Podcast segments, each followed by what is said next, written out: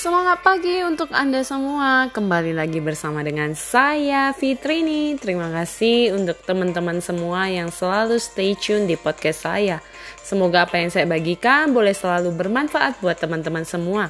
Nah, kali ini teman-teman kita akan berbincang seputaran bagaimana sih uh, tindakan yang harus kita lakukan kalau misalnya kita kadang udah merasa gugup ya di depan panggung, di depan umum saat berbicara. Mungkin bukan hanya dalam sebuah persiapan, kadang ada juga yang tiba-tiba mendadak kita harus berbicara di depan umum yang tanpa persiapan. Nah, tipsnya sama gitu ya.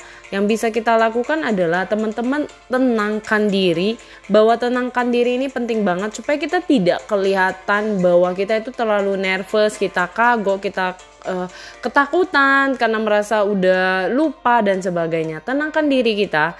Dan teman-teman, kalau kita hampir lupa atau blank dengan apa yang mau kita sampaikan, kita bisa ngomong seadanya apa yang kita ketahui. Jadi tidak dibuat-buat soal kayak kita secara pengetahuan, secara penelitian seperti ini. Jadi kita jawab aja semampu yang kita ketahui, tidak ditambah, tidak dikurangi yang pengetahuan kita.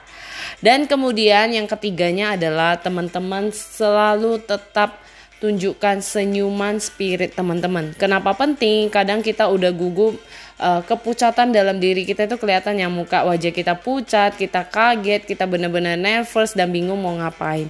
Jadi teman-teman mungkin tips ini kelihatannya ah gampang banget lah, ah uh, mana bisa ah segala macam.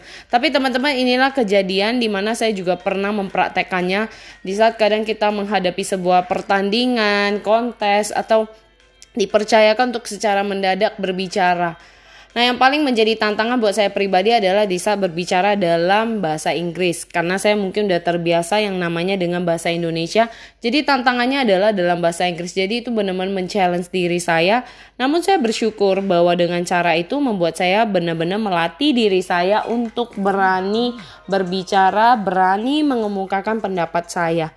Jadi teman-teman buat kalian yang sedang berjuang untuk bisa tingkatkan kepercayaan diri kalian, apalagi saat kadang uh, ada pertemuan meeting secara Zoom yang kadang orang tidak pede dengan wajahnya dan sebagainya. Mari perlahan mulai aktifkan video Anda, mulai berani untuk bisa melihat diri Anda dengan kelebihan kapasitas diri kita masing-masing.